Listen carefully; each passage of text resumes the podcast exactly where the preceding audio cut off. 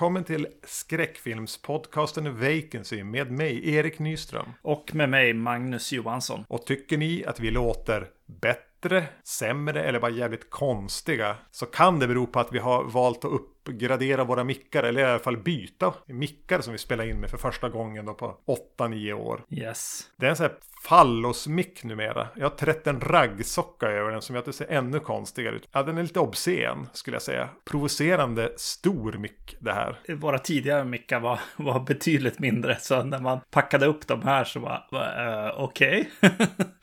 Jo, men det känns ju som att någon bara vill skryta om att vara en stor mick. Precis. Som precis. någon som kör runt i en sån här stadsjeep ungefär. Det här är en stadsjeepsmick. Ja, det lär ju inte vara så mycket teknologi i den här egentligen.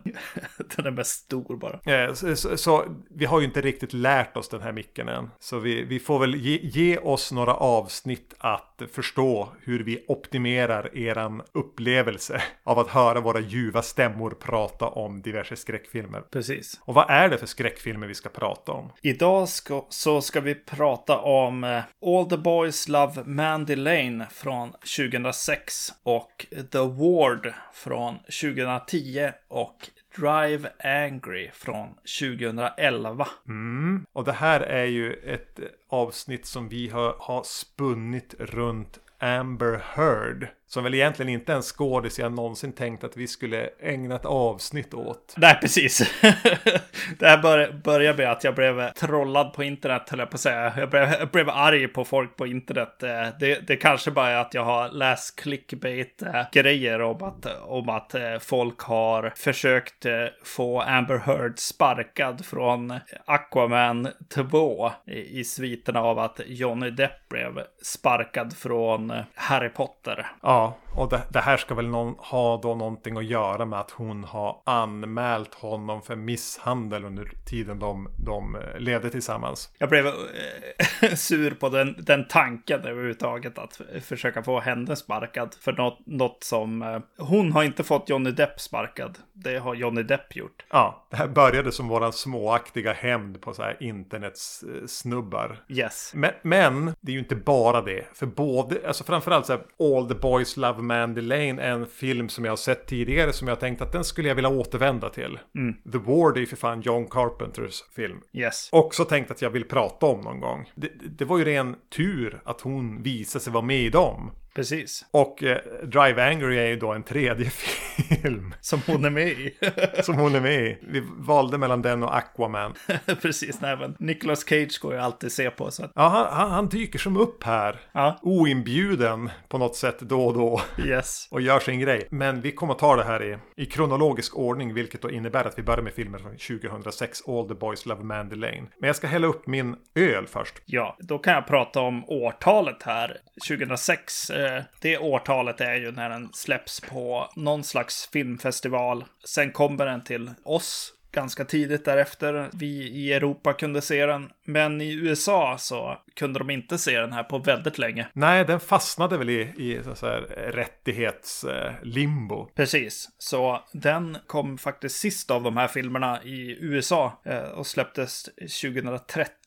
Ja, när Amber Heard hade breakat ordentligt kanske. Ja, precis. Man ville få tag i filmen då kanske på ett annat sätt. Jag vill bara säga att jag ska dricka en Schwarte Drak. Belgian style strong ale som ska smaka apelsin och choklad. Mm -hmm. jag, ska ta, jag ska ta en liten sipp. Jag har bunkrat upp bara med lite mer vanligt som var kvar. Punkipa och eh, Marie, Mariestads julebrygd. Bartömning. Yes. Det har ganska skarpa smaker i den. Nästan mer citron än apelsin. Ja. Och inte så mycket. Jo, men nu kommer chokladen här. Ja, den här kommer jag att bli lite salongsberusad på. Nice. Uh, All the Boys Love Mandy Lane handlar om, eller det är väl egentligen en, en um, slasherfilm kan man säga. Ja, eh, exakt. En, en, en slags modern tappning, eller vad man ska säga, Ja. av en slasherrulle. Regi Jonathan Levine som jag har gått vidare och jag gör i någon mån större filmer. Mm. Den jag har sett är så här 50-50 med, med, nej, jag kommer inte ihåg vem nu, är det Seth Rogen? Nej, det är Jonah Hill. Nej, det är Seth Rogen som får cancer. Ja. Och är inte han med även, eh, äh, skitsamma, Ja. han är eh, H2O. Ja. Tredje klotet från solen. Killen. Yes. Har du sett några av hans andra filmer? Ja, faktiskt. Uh, Warm Bodies har han gjort. Det är väl den som är närmast podden då. En skräckkomedi som är lite konstig sådär. om, man, om man råkar tänka på vad som händer så det är väl någon, någon zombie som blir blir kär i en människa. Och eh, sen så har han gjort, eh, jag tror inte att jag sett Nej, jag såg nog aldrig Snatched, men Longshot har jag sett. Så han gjort, har ju mest gjort komedier sen detta. Lite indie-regissören då, ha en liten indie touch. Mm. Och det här är, är ju också i den fåran. Men som sagt var, något av en slasher efter en olycka så åker några ungdomar, high school-ungdomar iväg för att komma undan vardagen till en av dem föräldrars ranch någonstans ute på vischan. I centrum står titelkaraktären Mandy Lane spelad av eh, Amber Heard. Mm. Som på något sätt är den här eh, som alla vill ha men som ingen verkar kunna få. En lite obeskrivligt vacker men lite svåråtkomlig ung kvinna. Yes. Folk börjar dö. Yeah. Får jag säga något om titelsekvensen? Mm. Eh, jag tycker den är ganska snygg. Ehm, hur, hur, hur, hur titeln kommer in i svart bakgrund och vit text. Ja, verkligen. Och så ett hugg och ett skrik och, och, så fylls det vita titeltexten med blod och så faller det ner en bloddroppe. Ja. Och då tänker jag, ja men det här ska vara kanske lite tongue in cheek. Det här ska vara lite the burbs. Ja, precis. Mm. Men det är ju inte alls. Nej, exakt. Det är lite intressant just, just hur den kommer in i sig. Jag tänkte också på tit titeln när den dök upp. Att så här, ja ah, men det här var ju nice. Det här ska jag säga någonting om på podden. Och så sen kom blodstänket och så bara, ja ah, okej. Okay. Ja. För jag fick ju den här lite så här Stephen King, du vet, bok, boktitelkänsla liksom. Ja, där. Children of the Corn hade det kunnat stå där. Precis. Jo, alltså jag tyckte den var jättesnygg fram till det där märkliga. Och det är sånt märkligt val. Det är ju som att den vill att man ska vara, att det här ska vara lite glättigare. Det här ska vara lite på skoj. Men det är ju en rätt, jag vet inte om jag ska säga all, tonen är så här gravallvarlig. Men den är ju inte tongue in cheek i alla fall. Nej, verkligen. Det är det som står ut väldigt mycket för, mot annan slasherfilm från, från den här tiden på något sätt de tar det lite mer seriöst här kanske och eh, hamnar lite grann på, på 70-talet och Ja. Eh, Texas Chainsaw Massacre eller liksom saker som är lite gru grundat i eh, riktiga brott på något sätt. Saker som på ett sätt kan hända på riktigt. Nu, nu, nu eh, säger jag inte att just det här kan hända på riktigt, men själva mordsekvenserna och, och mördaren får en ju, eller får ju mig att tänka på sådana här school shootings. Ja. Eh, och... Eh... Jo, men den är, lite den, den, den, är lite på det sättet som en 70-tals skräckfilm kunde vara trevande och råka bli en slasher, men kanske även ett drama och få en liten egen ton. Mm. Men jag känner redan nu att vi måste flagga vi gör alltid det en bit in eftersom vi glömmer bort det och göra det innan filmerna. Men vi måste spoila i hela det här avsnittet. Ja. Eller jag vill göra det. Mm. Um, ska, vi, ska, vi, säga något om All the Boys Love Mandy Lane då? Eh, kanske i, i, alla fall. Det, det, är väl där vi har chansen just nu att, ja, att säga jo. någonting om att om den är värd att se eller inte. Mm. Så vad säger du Magnus, är den värd att se? Uh, jag tycker den är värd att se.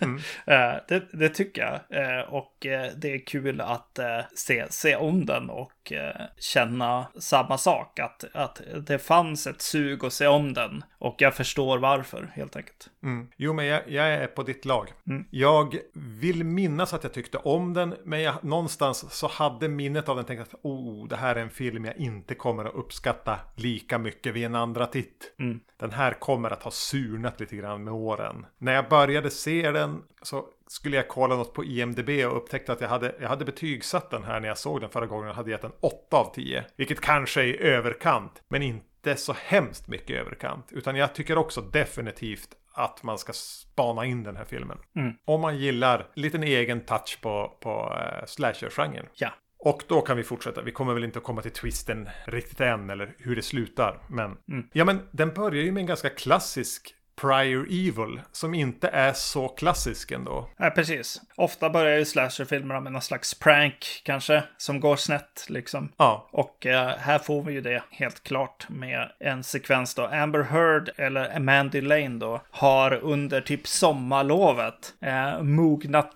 till.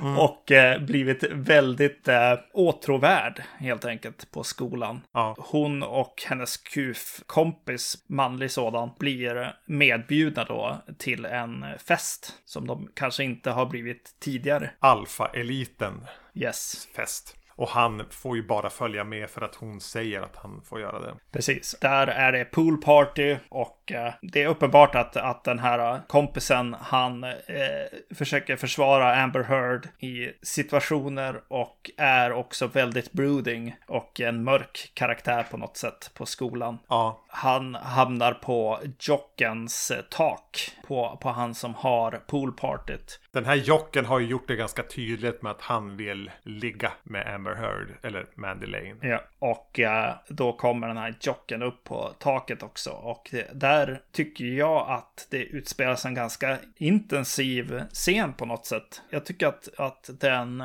funkar väldigt bra i sammanhanget, liksom ny slasher-rulle på något sätt. Jag känner så här, nej men gör inte så där helt enkelt. Nej. Eh, jag blir ängst liksom. ja, men just att de är på det här taket som kanske är lite för brant för att sitta på. Men det går ändå att sitta på. Och så vet man att de här har bråkat tidigare. Mm. Och så kommer The Jock upp och säger ja men det är lugnt, jag kommer, I'll come in peace. Mm. Och sen börjar, de, börjar han som en dag, men dra åt helvete. Ja. Men sen så vinner han över han genom att ge han här, spriten. Mm. Och så börjar de som har något så här att de bonda, halvbonda men halvhatar varandra. Ja, det finns, en, det finns en nerv där och man märker ju att det är någon som kan regissera dramat på något vis. Som kan hitta spänningen i en, i en dialogsekvens. Ja. Men det som händer är ju att den Mandy Lanes kompis lyckas hetsa han att dyka från taket ner i poolen, vilket man inte ska göra för då slår man i botten och eh, dör. Yes. Och sen bryter den, vad är det den hoppar typ så här, nio månader senare eller någonting. Mm. Och då verkar det ju som att, att Mandy Lane har eh, brutit lite med sin, med sin kompis och mer låtit sig omfamnas av, av en, eh, den populärare klicken Ja. i någon mån. Mm. Men det är inte så att hon är en sprallig cheerleader-tjej utan hon är fortfarande kvar lite det här inåtvända, betraktande, avvaktande, svåråtkomliga auran. Men det hindrar ju inte att, att alla, alla pojkar vill ha henne. Precis, den här uh, oskulden på något sätt som alla, alla Ja. vill ha. Och visst är det lite det den, alltså tit, jag tyckte det är en skitbra titel. Det är en jättespännande titel på en slasherfilm. Mm. Eh, och att den någonstans lite grann vill leka med konceptet att ha den här tjejen som alla vill ha. Hon som är en gåta. Ett litet mysterium. Den oskuldsfulla som man bara ska erövra. Att hon är som en trofé någonstans. Mm. Både att nästan alla manliga karaktärer i filmen vill ha henne. Men även att vi som tittare nästan tvingas med hjälp av hur kameran betraktar henne också ska bli en av dem. Vi ska vilja ha Mandy Lane. Precis, exakt. Den här, den här filmen och filmskaparen liksom använder ju den här rätt ofta irriterande male gaze, gazen Ja, verkligen. på ett sätt för att påverka tittarna liksom och göra oss complicent eller vad man ska säga i eh, titeln. Vi ska också bli lite all the boys, liksom del i boysen. Det tycker jag den är ganska tydlig med eh, att den gör också. Det är inget som råkar hända, utan det här är verkligen genom, genomtänkta saker som händer. För när det väl är ur vägen, så att säga, då bryter den lite därifrån liksom. Men den handlar ju, alltså fotot handlar ju ganska mycket om att kameran, ofta soldränkta, lite det här Texas Chainsaw Massacre-fotot. Det är mycket att solen får spegla, det blir lite motljus och den ska som slicka Amber Heards konturer hela tiden. Men som du säger, det finns, det finns ett syfte. Jag blir inte så här irriterad, utan jag förstår vad den vill med det. Och den är ju tydlig med det i titel till och med. Man vet det redan innan man har fått se henne. Mm.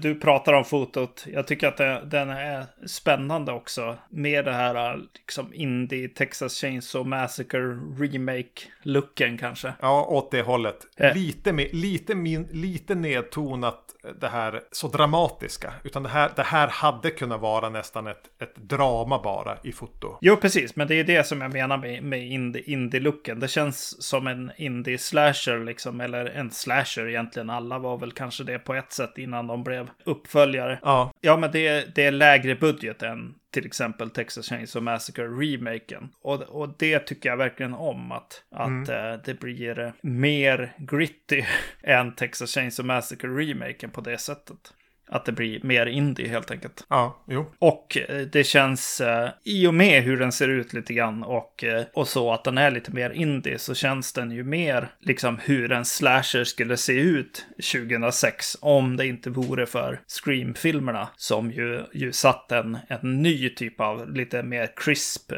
standard. Ja, en sån här storfilms slash eh, teen tv-serie look. Mm. Utan den här har väl som hittat en egen, egen nisch. Mm. Men efter att det här har hänt som sagt var, eh, Mandy Lane är en del, de säger hennes namn hela tiden också. Det är väldigt viktigt med hennes namn. Antingen säger de Mandy Lane eller så säger de Lane. De säger aldrig Mandy. Mm. Eh, hamnar ju med, med, med, typ det coola gänget. Mm. Eller kanske en del av det. Man får, man får ingen jätteuppfattning. Eh, men det är en ganska sorglig samling individer ska det ju visa sig i samband med att den här filmen presenteras för oss. Ja. För det första så typ tänker man att oj, det här är värsta Beverly Hills eh, trashiga, bortskämda rikingarna som, som kommer över kokain. Ja. Men nej, de snortar någons lillebrors ADHD-medicin. Ja. Det är sådana här små giveaways till att, eh, som förankrar den i någon slags verklighet, gör den lite så diskbänksrealistisk nästan. Mm. Det är ju någonting med det här kompisgänget. Mm. Kompis inom stora citationstecken. Ja, verkligen. För ingen verkar ju tycka om varandra här. Nej, exakt. Uh, nej, det börjar ju med, med hon då som har fått en ring i naveln, liksom en mm. piercing i naveln, eh, som hennes kompis eh, säger bara nej, den försvinner typ i, i dina, dina veck liksom, eh, fe, din fetknopp. Ja. hon är ju inte fet någonstans. Nej. nej. De är verkligen idioter och rätt osäkra på varandra, på, eh, på sig själva kanske. Alltså, det finns ju inte en enda positiv mellanmänsklig relation i hela den här filmen. Nej. alltså, det, det blir ju på, på, på, så sätt väldigt misantropiskt. Alltså den här, det känns där lite grann som att den hatar människan. Mm. Och när de kommer till ranchen här och drar liksom igång det här glädjelösa, destruktiva festandet. Ja. Det enda de pratar om är ju liksom att göra narr av varann. Till slut går det över gränsen och någon blir ledsen eller förbannad och stormar ut eller vill slåss. Ja. Och så börjar det bara om och så går det som i en loop. De slutar aldrig festa, det blir aldrig roligt. Nej. Ja, fy fan vilken människosyn han verkar ha här, Levine. Vad har han för syn på tonåringar? Hur, hur, hur växte han upp egentligen? Det är roligt när vi vet, pratade just om the male gaze när det gällde liksom Mandy Lane. Jag tänker här att jag pratade om school shootings också och hur man kanske kommer dit det är kanske så att vi får se, se filmen utifrån liksom den här uh, school-shootern i slutändan också. Liksom. ja. Att vi får se allt uh, hur, hur vidriga så att säga människor ändå är i slutändan. Att, att vi, vi ska ska hitta någon slags samhörighet där också, eller att han tvingar på oss en regissören här. Att eh, jo, det är ganska många, många man ogillar på något sätt.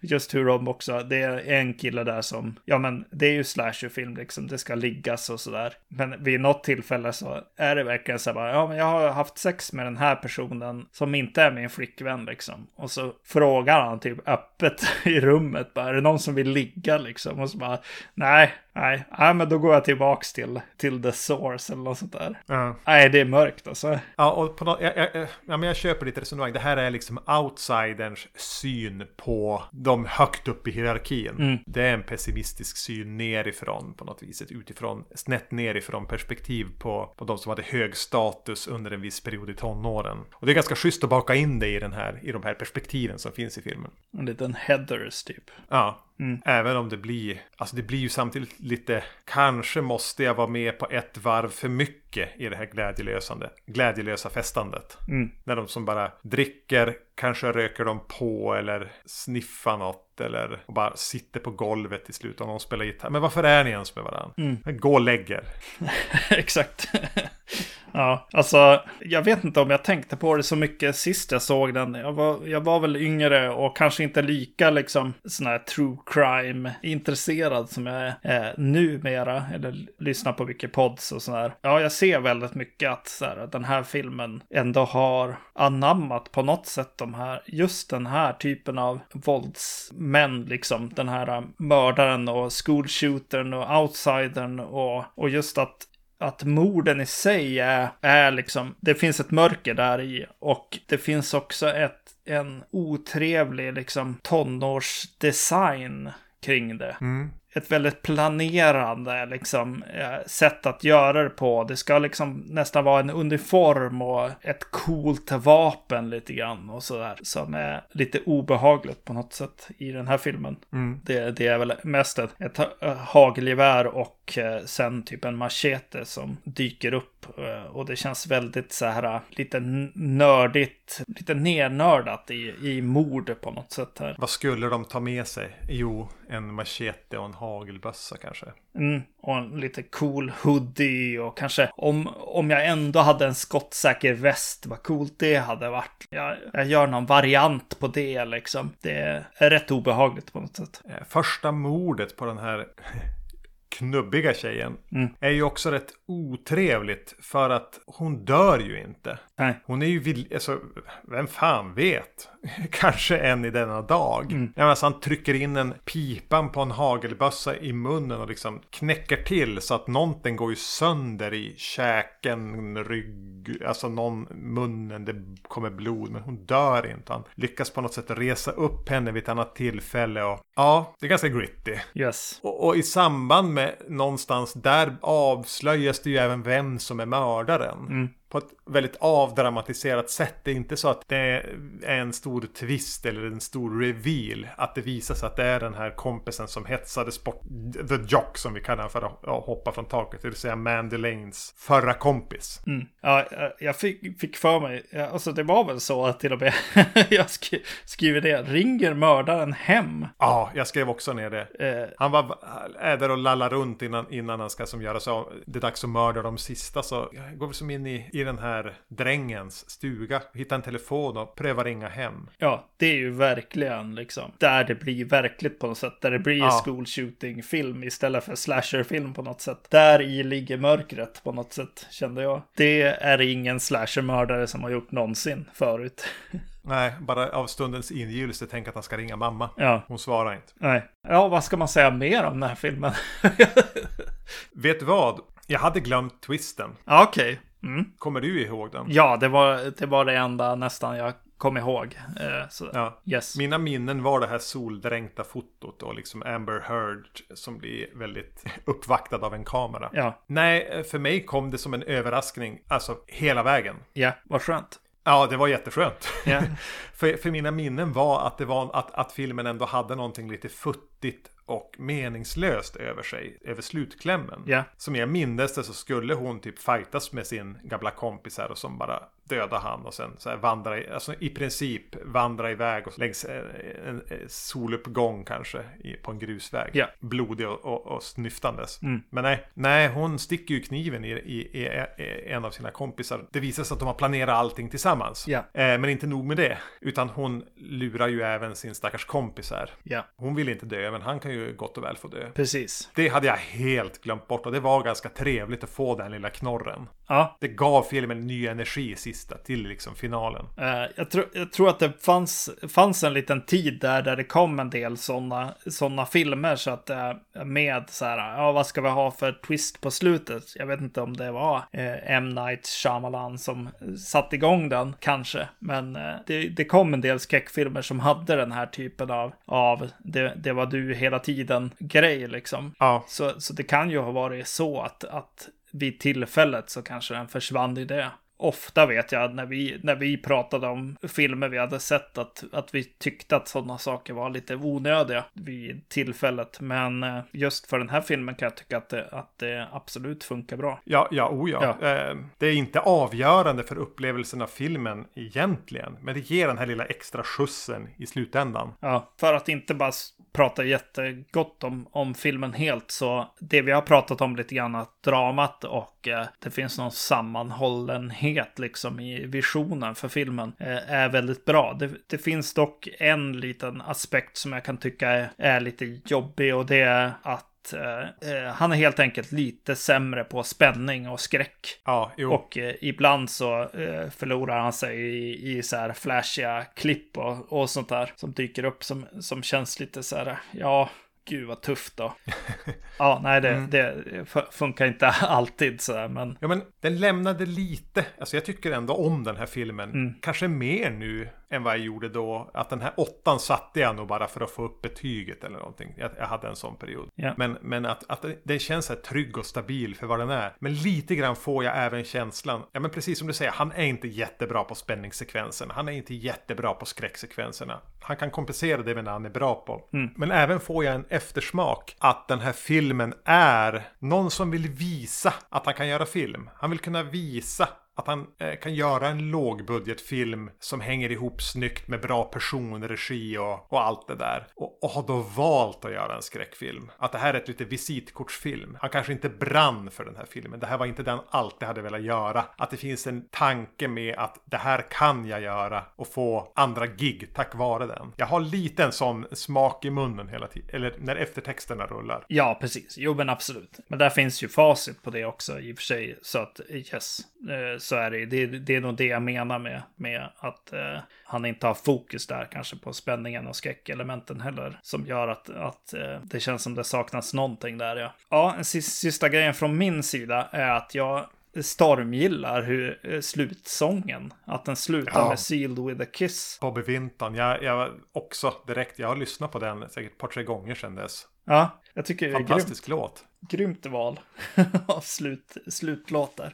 Ska vi gå vidare till eh, The Ward från 2010? Ja. Som ju är John Carpenters eh, film, eh, eller tillbakakomst, återkomst till eh, filmmediet efter att han har gjort eh, ett par avsnitt, eller kanske ett eh, här. Eh, jag vet inte med tid, tidpunkten här, men eh, han, bör, han var ju med i den här, vad heter den, Masters of Horror. Ja. Vi Tv-serien. pratat om Cigarette Burns där i ett avsnitt för många år sedan. Precis, och eh, fick, väl, fick väl lite mer smak liksom. Och eh, gjorde den här filmen. Eller lät sig övertalas, jag vet inte. Lite så känns det ja. Men det här är hur som helst hans se senaste film. Mm. Amber Heard har hunnit bli lite äldre och spelar en kvinna som eh, fångas in efter att ha eldat ner ett hus. Hon verkar eventuellt ha varit efterlyst sedan tidigare och kastas in på en avdelning på eh, psykiatrin. Den här filmen utspelas, vad är det, 1960?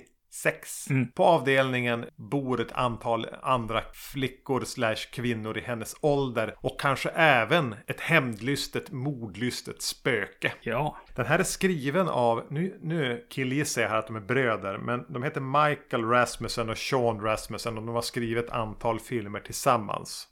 De kan även vara gifta, men jag gissar bröder. ja, Mest kända är de nog ändå för Crawl, som kom här om året. Just det. Den här har jag också sett tidigare. Ja, Och det har du också gjort. Yes. Jag tror vi, förmodligen såg vi den tillsammans. ja. Mina minnen var att jag tyckte den var, ja men det, den duger väl. Det var mina minnen. Mm. Men inte så mycket mer. Hade du någonting annat med dig in här? Ja, jag hade, jag, jag, eh, jag tror att jag hade, alltså det har jag börjat på peka på senare tid, inser jag på, på, på podden, eh, att jag börjar fokusera på setdesign ofta. Men just från den här filmen så minns jag det här rummet eh, som de är på, alltså The Ward helt enkelt, deras uppehållsrum. Och eh, jag minns att jag, jag nog tyckte att det såg ganska bra ut. Att det fanns, fanns någon, någon visuell stil och eh, färgval där som kändes så här eh, rätt eh, trevligt. Det var det jag Den minns. har ju en sån här lite, vad ska man säga, muted färgpalett. Precis. Mm. Ja, jo, ja, men jag håller med. Den börjar med, med att eh, med lite klipp kring den här, jag tror den börjar där eller om det är under förtexten eller vad fan det nu är. Mm. Lite, lite stillbilder över men på delar av, av The Ward. Och musik som Carpenter inte har gjort, den late fan. Mm. Några år senare skulle han komma på att det var jättekul att sitta och skriva låtar och fara och turnera med det. Men här var det för jobbigt. Ja, det var för jobbigt att skriva och för jobbigt att, eh, att göra musiken. Ja. Han ville bara spela Xbox. Ja, jävla gubbe. Jag sitter och röka hash och spela Xbox. Yes. Men eh, är det det jag vill göra så måste jag få göra det. Ja. Han har ändå gjort Halloween. Yes. Och det är någonting med, med, liksom bara tajmingen i klippning i början när de ska visa de här avdelningarna. Det ska bygga stämning och sådär. Jag bara, oh, det är lite off här i klippen alltså. Mm. Och det är någon dialog också där det ska med klippen. Ah, det är någon som inte har skärpan här. Men framförallt är det i de här, alltså när det ska bygga stämning bara som i ett montage. Som han har kunnat göra ganska skickligt. Ja, men eh, slutet på Halloween efter att Michael Myers har för, visat sig ha försvunnit efter att ha fallit ut genom fönstret. Ja, Och den bara liksom backar tillbaka genom ett par välvalda stillbilder. Så perfekt klipperytm och allting. Och här är det som att klipprytmen haltar. Och jag blir så här, åh nej, fan. ja precis. Ja, men det har du kanske rätt i. Just att så här, ja men han kanske har, han kanske har fångat rätt bilder och rätt åkningar. Men sen så tejpa ihop det här så blev det kanske lite fel. Ja. Haft lite för bråttom. Mm. Jag vet inte hur mycket han har suttit med och klippt den. Det kan ju vara så att han gick då. Ja, Men eh, tilläggas bör att jag tycker att den, det är värst när det ska bli stilla. Ja. Och att antingen vaggas jag in i klipprytmen eller hur det ska kännas. Eller så är det värst i början. Jag vet inte. Mm. Men, men ändå. Att Kristen hamnar på psykiatrin igen. Tillsammans med en massa andra ungdomar. Och det finns ett eh, mordlystet eh, demonspöke där. Ja. Det är lite kul. yes. Jag hade nästan förväntat mig att de skulle få, få, få krafter till att kunna besegra det här långhåriga spöket. Mm. Som i Dream Warriors. Men, men. men.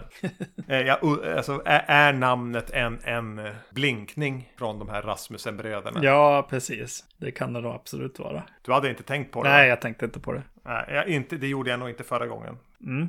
Alltså, det jag tänker så här när, när den går igång och hon träffar alla de här andra som är där på The Ward. En grej jag tänker är så här, ja men de har ju ändå castat så här. Det, är- det är så här, ja men det där ansiktet känner jag ju igen. Personer liksom eh, som har som har gjort saker efter det här. Så det känns, som- känns som den är ganska välkastad och, eh, och sen som sagt, ja men de har byggt en kul korridor och han, han har roligt med att åka framåt, fram och tillbaka med kameran i korridoren där.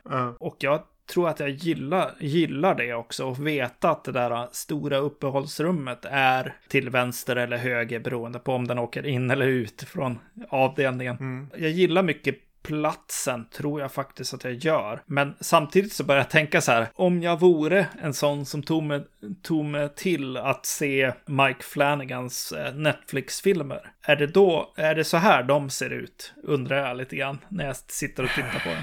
Jag som har sett ett par och klöst mig över hela kroppen. Mm. Så tänk att den som håller i kameran och den som har byggt kulisserna har gjort likadant. Men de har använt en helt annan kamera. Ja. Som får allt att se syntetiskt ut. Okej, ja. Du har inte sett den här Haunting Hill-serien? Nej, precis, men det är den jag tänker på. Att så här, och Ja. om jag ser den så kommer den se ut så här Ja, fast, eh, sämre då. Fast svulstigare och fulare. Ja, precis. Den här digitala looken, det här har ju ändå en slags filmisk känsla. Ja, och, och jag, jag håller nog fast också vid mina gamla tankar där att i uppehållsrummet här, det här beigea och blågråa som, som de går efter där, eh, håller. Jag kanske uppskattar det extra mycket för att det är setdesign och klädval liksom och skådespelares hårfärger som har valts för att få den looken som den har. Tänkte inte du att så här, fan vilket stort uppehållsrum de har för att vara typ fem brudar? Mm, precis. Jo, jo, man får ju lite känsla av att den här äh, zombie, zombiespöket har, äh, har redan varit där och, och tagit både en och en, och en annan. Håller nere eh, antalet. Jo, det kändes lite... Jag, jag tänkte så här att det var eh, budget. ja, det var min tanke. jag tror att, precis, jag, jag fick nog mer en känsla av ensamheten, liksom att, att det var bara de där, liksom. i ett ekande rum liksom, lite grann. Ja. Alltid om en film ska utspelas på psykiat psykiatrin så blir ju personalen, vårdarna, ganska viktiga karaktärer. Mm. Och oftast utmålas de ju som halvsadistiska eller att de bara inte bryr sig eller att de är där för att utnyttja. Särskilt jag tänkte det. Jag hade ju som sagt var glömt stora delar av den här filmen. Jag tänkte bara, när jag såg den här Roy, Mm. eh, som har som en blandning mellan ett skägg och, eller att vara lite orakad och lite knubbig. Ja. Jag tänkte bara, åh gud vad han kommer att försöka våldta Amber Heard här. Åh, jag orkar inte se det. Nej. Men det visar sig att han är ganska reko. Ja. För han säger i början så här bara, ja men det är jag som är Roy. Eh, hur du beter dig mot mig kommer att avgöra ganska mycket kring vilken relation vi har. Är du schysst mot mig är jag schysst mot dig. Så man tänker bara, åh han kommer kräva avsugningar. Ja. Jag orkar inte se det. Men nej, han är ganska reko. Den här Nurse Ratchet-sköterskan eh, är väl ganska reko ändå. Och Jared Harris, som spelar läkaren som är ansvarig för avdelningen, vill ju väl. Ja. Det är som en ganska rimlig avdelning det här. Det är inte en tanke att överheten som styr dem är där för att straffa dem eller förgripa sig på dem eller bara låta dem ruttna. Utan de vill faktiskt att komma någonstans med det här. Ja. Det är märkligt att det ska kännas här lite fräscht. Ja, exakt. yes. Eh, ja, precis. Jo, men det är väl kanske att Nurse Ratchet gör sig lite väl påmind och eh, det går inte att leka i den här scenariot liksom utan att, att göra den karaktären lite grann. Lite extra. Nej, det är svårt. Nej, men absolut. Eh, framförallt eh, han, eh, han skötaren där som definitivt gör en förvånad lite grann från vart man tänker att det ska gå. Sen har den här en konstig syn på elchocker också. Men det är jag rätt van vid. Ja, jag börjar googla. Ja. Alltså det är ju, den används ju fort, det är en metod som används fortfarande. Ganska effektiv metod för att eh, få ner alltså, ångest. Och när liksom hjärnan håller nästan på kortslut av ångest. Att man på något sätt kan slå ut det. Men här blir det lite det klassiska att vi elchockar någon into submission. Som straff för att de har agerat ut. Ja, Jag vet inte, kanske gjorde man det på 60-talet? Är det kanske det som är anledningen att den utspelas på 60-talet? Eller var det bara för att vi skulle slippa förklara bort mobiltelefoner eller någonting? Jag vet inte. Men, men det är också så här, bara, men, ja, men om ni nu låter eh, de som jobbar här vara rätt reko, som jag tänker att de flesta är som jobbar på ett sånt här ställe, kunde ni väl ändå ha googlat lite grann på elchocker? ja, Att det är en ganska bra behandlingsmetod. ja men, men den är ju, den är ju också eh, upplevs eh, ju obehaglig. Det är, det är väldigt enkelt att, att tycka att det känns jätteläskigt samtidigt. Jo, precis. Ja, men den är ju, den är ju som uppbyggd på att eh, det är läskiga saker som har använts i historien i psykiatrin liksom för att försöka hjälpa folk eller, eller så. Ja, just den, den blev en liten så här side ta- tangent där jag satt och googlade och här, men vadå, använder vi inte det här fortfarande? Och, eh, och sådär. För eh, eh, lobotomin är ju en annan då, eller den jämställs ju där på ett sätt. Ja, det hade som nästan kunnat vara, ja, vet du vad? Om du inte slutar säga att det spökar här så måste vi nog lobotomera dig. Ja, för grejen som händer är ju att, det- att det här spöket, som jag redan har sagt, zombiespöket, Ja. det är ju, vad heter han, Greg Nicotero som har gjort ett Walking Dead zombie, eh, fast kanske, Ja, typ såhär två tredjedelar Walking Dead Zombie, en tredjedel Sadako. ja, den, den, den eh, zombiespöket börjar ju liksom eh, lobotomera en av de här kvinnorna, som för övrigt heter Iris. Vilket jag tyckte var lite fyndigt med en nål i ögat. Eh, Så ja, Ja. Om, du, om, du, om du hittade något namn som påminde om, om Elm Street så är det definitivt eh, någon, någonting den här, de här manusförfattarna har roligt med. Det är, det är namnen här kanske. Men alltså det här zombie, zombiespöket är ju för mig det stora problemet egentligen. Det är det absolut. yes.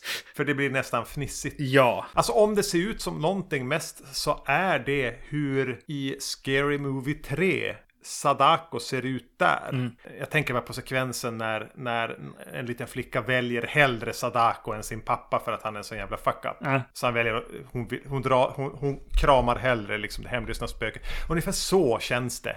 Alltså att, att det är någonting ur en parodi. Och det sättet det dyker upp, sättet det används på är aldrig bra. Nej, exakt. Eh, Och eh, liksom John Carpenter gör, gör det han kan på något sätt. Eh, Han bygger upp. Ibland så lyckas han ju få upp spänningen kan jag tycka. Alltså det finns någon, någon sekvens där hon, Amber Heard, börjar försöka fly från bårhuset och gömmer sig ja, nej, gömmer sig i ett bår, bårhuset där på, Ja. på sjukhuset då, eh, som tydligen finns där på mentalsjukhuset. Det är väldigt klassisk, liksom bara, ja men gömmer sig i en liten liksom skrubbsekvens. Och där, där kände jag att, ja men det här, nu är, nu är pulsen lite uppe för mig liksom. Och så, men punchlinen går ju liksom inte riktigt göra läskig när det, när det kommer det här eh, parodispöket. Är det inte så att Greg Nicotero inte är så bra Eh, på att göra otäcka monster? ja, eh, Kan det vara så enkelt? så enkelt kan det nog vara. Nej, men det känns ju väldigt så här, ja, gammalt. Uh, gammelmodigt på något sätt. Han har kanske inte, inte mörkret i själen på något sätt. Eh, det är något som Nej. saknas. Han har för mycket Budweiser i själen. Yes, precis. Och grill, barbecues och Bud. Ja. Bud Light. Och det manuset fastnar ju också. De gör typ samma rymning två gånger på rad. Mm. Prövar lite olika varianter. Nej men det, det, det trampar lite vatten där. Var ska vi nu då? Vart ska vi med den här berättelsen? Ja, men låt dem försöka rymma två gånger. Ta med dig lite olika av dina kompisar. Ja, exakt. Slutklämmen för mig blev, blev någonstans här. Jo, men John Carpenter lyckades ju inte riktigt hålla upp flaggan hela vägen in i, i, in i mål i sin karriär Nej. på något sätt. Men det är ingen som hjälper honom dit eh, här.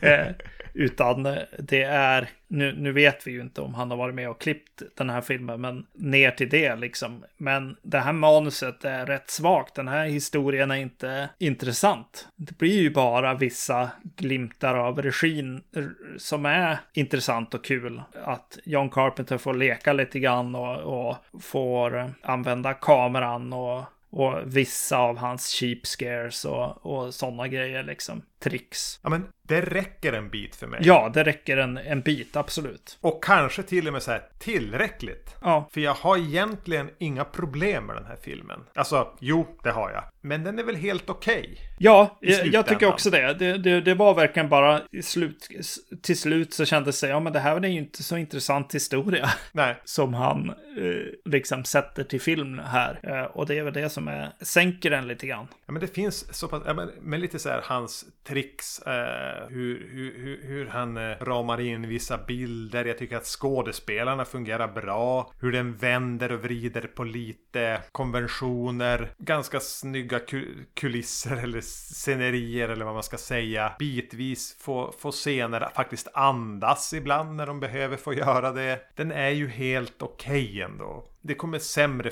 skräckfilmer 2010.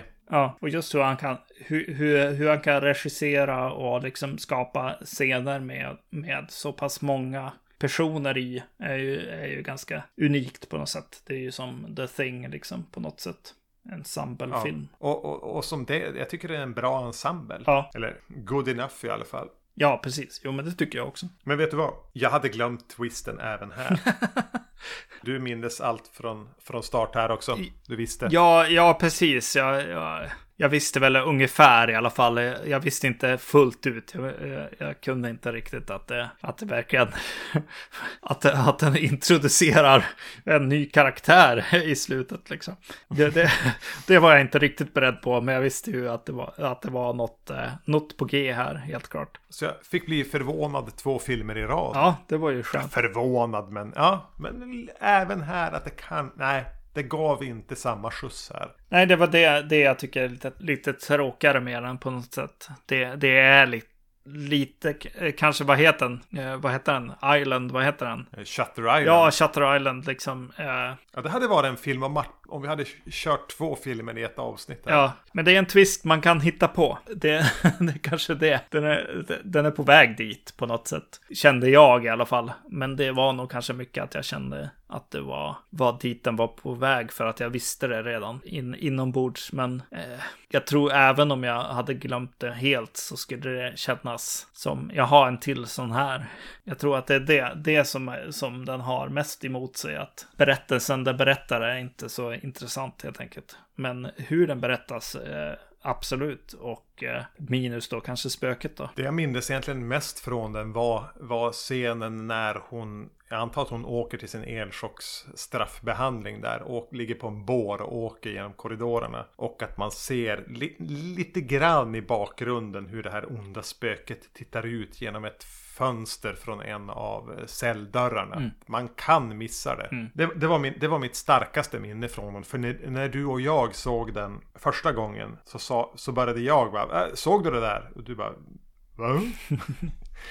och då backade vi och sa att det är ju ett spöke där. Shit, ja. Mm. Jag tycker för övrigt att Amber Heard, om vi, om vi ska ändå ha henne som tema här, eh, så tycker jag hon gör ganska bra ifrån sig i, i The Ward. Ja, ja hon funkar. Hon håller uppe den filmen tillsammans med, med ensemblen då. Jo. Eh, ja, precis. Ja, men det är kanske är det jag tänker, tänker på också när jag tittar tillbaka på de här filmerna. Att så här, eh, det finns ju så mycket mer att göra och att gräva i och, och att liksom agera kring liksom som skåde, skådespelerska i de här äh, skräckfilmerna. En i att då kliva över och vara kärleksintresset i en Aquaman-film. Och en, någon, någon slags superhjälte ändå är hon ju, men det är mycket mindre, mindre att, äh, att äh, göra känslomässigt i de här scenerna i en Aquaman-film än i de här filmerna. Helt klart. Jag har inte sett Aquaman, men jag, jag, jag tror det. Ja. Jag vet att du har rätt. Det är mycket mer vara snygg, snygg superhjälte med flaxande hår. Jag tänker att det finns mer, att, äh, finns mer att hämta i, både, i alla de här tre filmerna känslomässigt än i ett äktenskap med Johnny Depp också. Ja. Men, men då Drive Angry, det blir lite wildcardet här. Mm. Vad sa du att den kom? 2011?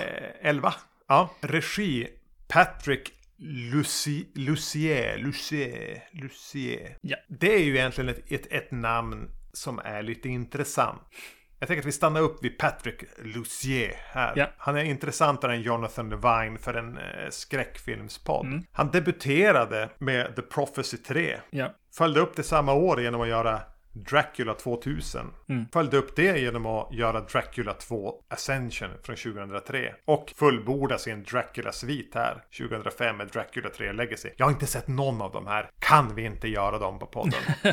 eh, absolut. Eh, den här Dracula 2000, den, den, eh, den var det ändå folk som såg. Liksom. Den, den har nog jag sett också. Eh, när jag jobbade på, på skivaffär för en jävla massa år sedan. Så, så var, den fanns ofta i så här reabackar med film filmer och den såldes som smör. Ja, precis, just det. Hade, hade den någon hunk eller någonting? Vänta, jag ska kolla. Det jag blev påmind om. Gerard Butler, ja. Ja, just mm. det. Det jag blev påmind om då. Eh, jag tror att det var, jo men det var fan DVD. Eh, när DVDn just hade börjat komma och folk hade liksom så här tre filmer i, i bokhyllan. Eh, eller där bredvid, bredvid eh, tvn liksom. Det fanns några sådana här DVD-filmer som bara folk hade. Och en, en av dem, det, vi kanske ska ha Dracula 2000 då, och så en film som heter Bats. Ja just det, med han eh, Lou Diamond Phillips. Precis, och det, och det, och det var en film som bara ja, men dök upp i folks hyllor. Och jag, och jag vet inte, alltså kom den med Expressen eller vad,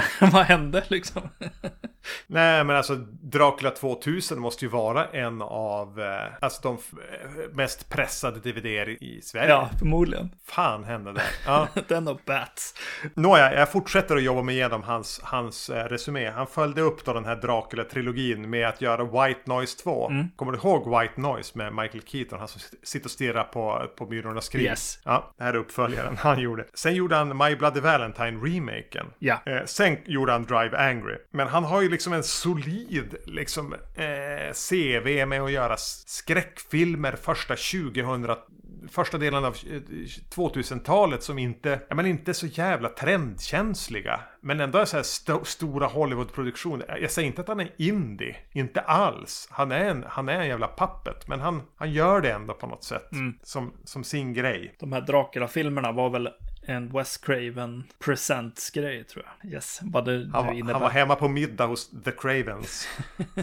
yes. Han har haft det tungt sen, sen uh, Drive Angry kan man säga. Han har gjort ett avsnitt av Scream, tv-serien, något, av, alltså TV, något, något avsnitt här och där. Den här filmen måste ju ha kommit då, Drive Angry måste ju ha kommit ut av uh, My Bloody Valentine. Den är en 3D-film. Uh, Drive Angry är också en 3D-film. Och eh, regi och eh, ma manus är av Todd Farmer. Ja, just det. Jag, jag tänkte på det när jag såg det. här. Todd Farmer. Det, det är också ett sånt här som jag tänker. Det här är inte så smickrande. Men jag tänker på dig. När jag ser eller hör talas om Todd Farmer. Ja, Varför gör jag det? Ja, det var inte så smickrande. Nej, men det var nog för att jag, jag, jag kanske hade bara koll på honom. Så brukar jag su surna till på honom för att han skriver in sexscener med sig själv hela tiden. Ja, just det. Ja, alltså, du har pratat om han som en, som en manusförfattare. Jag tror det är Ja, det. precis, exakt. Och eh, det finns en massa, massa mer kuriosa där. Att eh, också en manusförfattare som, som det inte gick så bra för här eh, runt den här tiden, liksom efter det här. Det blev i princip bo, bo i, i sin bil och sådär.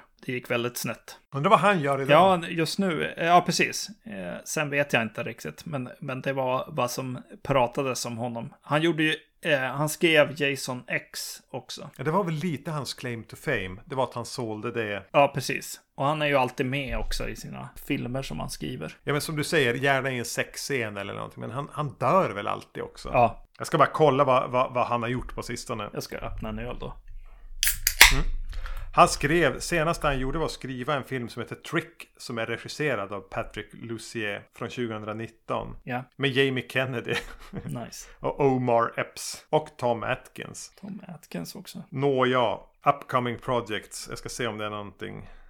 Nej, skitsamma. Han verkar, han verkar vara en kompis till den här Patrick Lucier. Ja. Drive Angry, tillbaka till den. Eh, Nicolas Cage spelar en man som jagar efter någon för att få tillbaks sin, eh, sitt barnbarn som är kidnappat av en typ sekt. Han råkar få med sig en, en eh, lite halvtrashig servitris som medhjälpare. Och själv blir han jagad av någon som kallar sig för The Accountant. Ja, Det här är väl en skräckaction kan man väl kalla det för. ja precis. Mycket häftiga bilar. De åker mycket genom USA i bilar som ser coola ut. Exakt. Relation till den här. Såg du den på bio eller något? Nej, jag tror inte jag har sett den på bio. Men eh, jag har sett den tidigare i alla fall. ja, jag med. Det enda jag- minns där är att den ja, men, kom i kölvattnet av Grindhouse, va? Som kom 2007. Och det var väl en, en, li, en liten till sån där uh, göra Quentin Tarantino-kloner filmer som kom där. Och uh, just Grindhouse var väl en rätt bra film för, för de som gjorde lite lågbudgetskräck. Liksom. De, de kunde göra en lite roligare affisch uh, och uh, lägga på extra scratches liksom på bilden och så, och så hade de gjort en tuff film lite grann. Men den här är ju lite högre då, budget skulle jag säga, än, än just det, jag pratar om nu, vilket ofta är vä- väldigt mycket trashy film som kom direkt till video liksom. Men det här är ju en biofilm i alla fall, gissar jag. Mm. Inte i Sverige kanske. Jag vet inte. Nej, just nu känns den ju väldigt mycket som en streamingfilm. Eh, Det känns som en film Ja. som skulle liksom eh, ligga ganska bra på en streamingtjänst eh, just nu. Om man räknar bort de här eh, lite lökiga 3D-effekterna. Så jämnt fördelade med någon arm som flyger mot Mm. kameran eller någonting. Och framförallt alla, alla te- titelsekvenser och texter och liknande. Och jag menar, Nicolas Cage har ju hoppat in i väldigt mycket filmer och eh, en del kommer ju upp till, till ytan och så ser man, eh, ser man dem. Och det här var väl en sån som eh, tog, tog sig upp där tills att det var i alla fall dags att se den. Även om den är ganska långt ifrån vad, vad jag är intresserad av i vanliga fall. Sådär. Men, Ja men jag har ju sett den här. ja, Alltså där någon gång när den kom av någon anledning. Fråga mig inte varför. Fråga mig inte vad, hur det var eller när. Men jag har ju sett den här. Men det, eh, ja precis, ja, men jag tänker på så här, vad heter han, Mandy och så här. Åh, ti- titta Nicolas Cage, är rolig film liksom. Jag tror, jag tror att det var Ja. väldigt mycket det som drog. Cage Rage. Mm. Ja du. Den är ju på skoj. Alltså det är mycket, lite musikvideo. Den börjar med att några eh, skurkar kommer att köra i en bil. Äh, det börjar före det med någon jävla voiceover. Har du något att säga om den här voiceovern över elden och helvetet? Eller det Ja, men de är ju vid hel- helvetet och någon, någon kör iväg med bilen eh, och hoppar över, över stängslet i princip. Eh, Ja. Det är väl en Nicolas Cage, eh, förstår man, som har flytt från, från helvetet för att hitta sin dotter-dotter eller vad det nu är. Exakt, och så kastas vi in i en verklighet med några skurkar som han eh, prejar och skjuter och, i knät och säger eh, du ska tala om att jag är efter dem. Det är lite så här trubbiga one-liners, mycket musik som ska komma in vid rätt tillfälle. Fräckt och jä- lite glimten i ögat fast ändå inte. Eh, utan glimten i ögat är ju hos oss som ser den, inte i, hos Nicolas Cage. Men han har ingenting i ögat, han är död sedan länge vid, det här, vid den här tidpunkten. Eh, och jävligt grabbigt. För förbannat grabbigt. Det är otroligt grabbigt. Jag tänker väldigt mycket att de har suttit på hotellrummet på kvällen när de har gjort My Bloody Valentine och bara skakat av sig massa dumma idéer helt enkelt. I allmänhet så, så tycker jag att den här, det var kanske därför det inte var så himla smickrande att du tänkte på mig med Todd Farmer där, men Nej. han känns otroligt, eh, vad ska man säga, kåt som eh, författare. Mycket eh, sexuella dialoger liksom och situationer. Allt, allt ska ha en, en sexuell eh, nerv i sig. Mm. Och han känns väldigt, väldigt barnslig på det viset. Det jag ändå ska ge Todd Farmer som har skrivit den här är att han kan som koka ner en enkelhet. Mm. Det här är idén. Ja, Och jag håller, det, jag håller ihop den. Jag gör ingen så här onödig eller oväntad utsvävning eller gir hit eller dit. Utan när man, när man som har kommit in i filmen vet man ungefär hur flödet ska se ut. Och det är exakt det Todd Farmer levererar. Och även om det kanske är lite tråkigt att han är förutsägbart och så. Så finns det en skicklighet i hur han kan leverera exakt den film man förväntar sig när man börjar se den. ja. Och det är väl därför, eh, till exempel My Bloody Valentine är, en sån där eh, av remakesarna eh, som kom när man var som allra argast på att det skulle komma remakes på allting. Som, som gick igenom lite grann och, och var liksom godkänd på något sätt från min sida. Ja. Och det kanske är i sin enkelhet eller i sin rätt tydliga sätt att vara på något sätt. Han kokar ner det enkelt och tydligt och pekar ut en riktning. Det kan han. Sen verkar han ju vara en gris. Ja. Jo, just att han skriver in sig själv i alla, alla sexscener i filmer.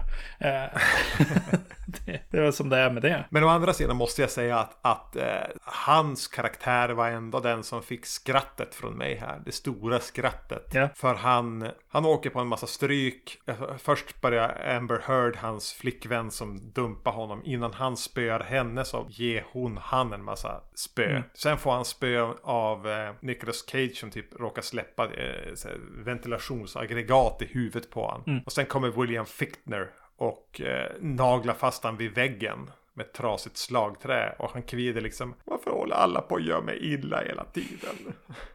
Det tyckte jag var kul. Ja.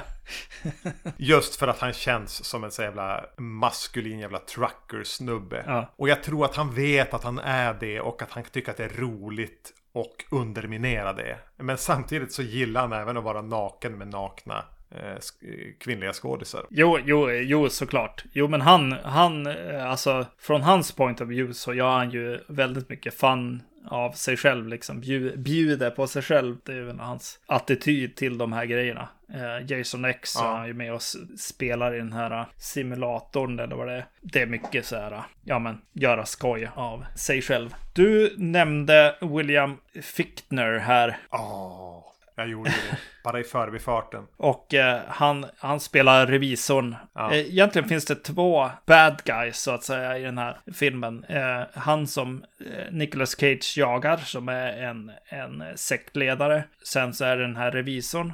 Och eh, jag gissar först och främst på att de har eh, varit på samma casting call för samma karaktär. Förmodligen den här revisorn. Ja. Men ena fick den andra rollen. William Fichtner fick den roliga. Ja, eh, de är väldigt lika varandra och man kan säkert eh, blanda ihop dem helt plötsligt. Ja, du får inte säga så. För William Fichtner är ändå en av mina så här man crushes. Ja, Inte just i den här nödvändigtvis. Han börjar vara lite gammal här. jag tycker att han... Ja, men det jag kände lite grann med honom är att han är ju helt rätt eh, castad. Det är precis Ja, den här det, det är han ju. skådisen som ska vara den här karaktären. Samtidigt så tyckte jag att han valde lite fel sätt att överspela på ibland. När han blir lite, lite så här fattig eller, eller så. Eh, och eh, just den, den biten vet jag inte riktigt. Men om han hade spelat som jag hade tänkt att han skulle spela så skulle han spela precis som sektledaren. Så det är klart att de måste, måste dela upp sig på något sätt här. Ja, jo han får vara lite roligare. Ja. Sektledaren är liksom bara entonigt eh, ond. Precis. Mm. Nej, alltså jag tyckte, som jag sa, jag, jag gillar William Fickner. Jag gillar att drunkna i hans ögon. Men eh, han, här, redan här har han börjat tappa någonting. Mm. Mot för hur han kunde vara bara några år tidigare och på eh, 90-talet också. Men ändå så är han ju behaglig att se som den här revisorn. Ja. Och när han säger revisorn så är han väl typ döden. Ja. Eh, och de kan ju ha lite kul med det, så här lagom kul med det. Mm. Eh, så han är ju den man tycker om att se interagera med andra jämfört med den här sektledaren. Jag har inte ens, vet inte ens vem som spelar han. Jag känner igen honom men jag har inte brytt mig om att skriva ner något namn Nej, här. För han är ju stentrist. Mm. Men sekter är ju stentrista. Ja. Ja, ja, det är de. För att eh, stanna här vid revisorn, en, en äh, grej som jag, jag nu helt plötsligt börjar äh, uppskatta i backspegeln, det är ju hans ganska storslagna liksom move när han sprätter upp ett, ett mynt äh, i luften ja. och sen tar emot ja. det och det blir, eller han, han får fram en, en sån här FBI ID-bricka, liksom badge, ja. för att lura poliser och, och så med, med den. att han han, han har tänkt att ta över. Just att de använder det två gånger och gör det liksom den här 3D-effekten av det. Låter, låter myntet hänga i luften lite extra länge. Och så sen att andra gången tänker man ju oj, vad ska hända nu då? Nu gör, använder han sitt mynt igen. Ja. Och det som händer är att FBI-badgen kommer fram igen. det är så, okej. Okay. Har du inget enklare sätt att ta fram den där jävla fejkade FBI-badgen? Äh, rätt dumt. Ja. På tal om, ja, om dumt så, jag var både irriterad över så här sexscenerna och, och liksom det här lite barnsliga i, i det, det, sexuella. Samtidigt så bara, ja, men det är klart att eh, Nicolas Cage ska ha, ska vara delaktig i en eldstrid under en en sexscen medan han har sex med, med en kvinna och eh, skjuter folk i ett litet hotellrum som inte är så himla litet när man väl filmar filmen. Jag tycker att det, det, det är för, för dumt tills det går över liksom till, ja men det här är ju dumt på rätt sätt i slutändan. Och han ska envisas även med att röka en cigarr helt plötsligt och dricka sprit, någonting han inte gör annars. Precis. Och så, åh gud, en skjuter han också. En som står framför eh, ett fönster. Så skjuter han, han typ i bröstet. Och så sen flyger benen bak. Och slår sönder glasrutan. Och så far personen ut genom ja. rutan. Det är ju för bra liksom. Men det var någonting med den scenen även. Alltså jag håller, det, är bara, det är för dumt. Det är lite så här pinsamt. Ja, det var pinsamt. Ja. Men är inte själva iscensättandet av det även ganska fumligt? Mm. Alltså ska man göra den där scenen som, alltså egentligen det, det kickar igång en låt, det är mycket slow motion och den är så jävla grabbigt dum. Ja. Så måste den ju kugga i på allt, på allt annat. Man måste naila den på något sätt ja. Ja, då ska den sitta. Ja tekniskt. Klippen, koreografier på alla, som, på, på alla eh, kulor och folk som kastar sig och flyger hit och dit. Men det gör ju inte. Det gör att den blir liksom bara, aha, ja. Ja, det där var ju en jävligt fånig idé. Det var fånigt och pinsamt. Ja, jag, jag tror ja. att, att äh, på, på något sätt så, ja, de, de är på väg i alla fall till, till varvet runt där, äh, Todd ja. Farmer. För, för de, gör, de gör specialeffekter som de inte har råd med i den här filmen. Och stunts och grejer som de inte har råd med. Så det, det ser för jävligt ja. ut liksom. Den här revisorn går ut från någon bil som håller på att explodera eller någonting till en annan bil som kör förbi. Jag kommer inte riktigt ihåg nu. På ett väldigt så här nonchalant sätt byter, byter han fordon där. Mitt i, i en, alltså en, en riktig, ja men krock liksom situation eller vad man ska säga. Och, mm. och det ser för jävla dumt ut. Men det är lite också i skådespeleriet där som, ja men jag vet. och vi vet och Todd Farmer vet. Och Patrick Lucier vet. Du får inte bara släppa regissören. Nej, precis. Bara för att du är Todd Ja, men Farmer. de måste ju säga Lucier. Ja, ja, det ante mig att det var någonting Yes. sånt. Eh, och så är Nicolas Cage med i filmen. Så den är ju på det sättet som ett roligt klipp, en GIF, en, ett meme som de sitter och gör medan de gör My Bloody Valentine. Ja. Jag hamnar där. De är på hotellrummet och skrattar. Och i viss mån kan jag som haka i det här att de har kul hela vägen. Mm. Nicolas Cage har fattat vad han är med i. Amber Heard är ganska bra på att anpassa sig. Mm. Och att bara det här är bara så här dumskallekul. Ganska då av någon som vet hur man ska skriva det. Eh, sen hade den behövt vara 20 minuter kortare, 25 minuter kortare. Mm. För det blir, det blir lite för mycket. Men det är lite driv i alltså, att bara plöja igenom USA med bilarna här. Och jagad jagar. Och han har tydligt upp vad han vill och han är, har rymt från helvetet. Och där lyckas den ju bli så här ofrivilligt för mörk. Bara i förbifarten när han beskriver helvetet. Att eh, det är inte så farligt att jag brinner. Det farliga är att, att eh, stå och titta på alla jag älskar lida i en evig loop. Det är det jobbiga. Ja. Filmen som stannar upp för att förmedla det, det, den ondskan i helvetet att man får utstå där. Som blir lite, ja okej, ja det är ju faktiskt det är ju faktiskt jättehemskt. Ja, Vilket blir lite tondövt i sammanhanget. jo exakt. Och det jag även tänkte på, på med Drive Angry är att den, om man tonar ner liksom det här over the top våldet och eh, sexscens shoots out eh, så det är någonting med upplägget att jaga en sekt som ska offra ens barnbarn till en eh, för att få helvetet att vandra på jorden och ha tagit med sig någon och så ska som de bonda under resan samtidigt som man är jagad av en välklädd, eh, livsfarlig, typ döden, djävulen entitet. Som känns otroligt mycket Stephen King. Ja. Det här är ju lite en King-pastisch också. Mm. Ja, jag tänkte på, vad heter den? Highway to Hell också. Filmen vi Inte har pratat om inte har än. pratat om än. Ja, precis. En vi råkade hitta i barndomen. Ja, Drive Angry. Ja, alltså. Ja, det här går väl se.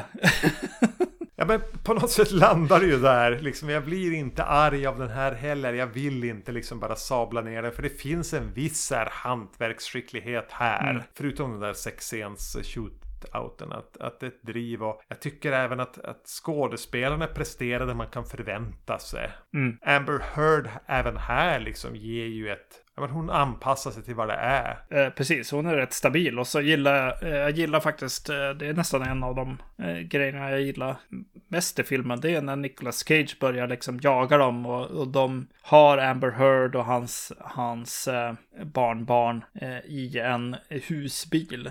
Och eh, det händer parallell, lite parallellhandlingar liksom utanför. Nicolas Cage eh, kör, kör bil efter dem och jagar dem och, och så vidare. Eh, Medan då Amber Heard är där inne och slåss med, med den här sektledaren. Eh, och det slagsmålet tycker jag är, trevligt också. Jag tror, tror att jag gillar den här lite trånga ytan som de är i. I den också. Eh, och i Ja, men rörelse. där blir det också en, ja, det blir en liten nerv där. Alltså de har ju som pressats att göra ganska svåra actionsekvenser. Mm.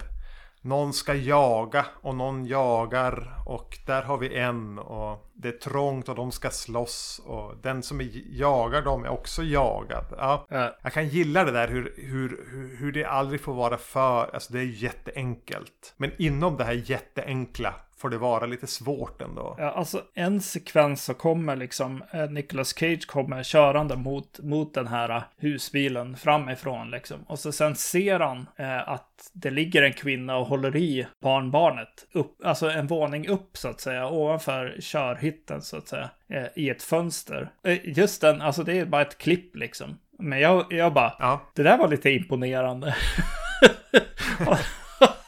och det, det är ju bara några, några stuntmän som kör emot varandra liksom. Eh, och en kamera som åker med.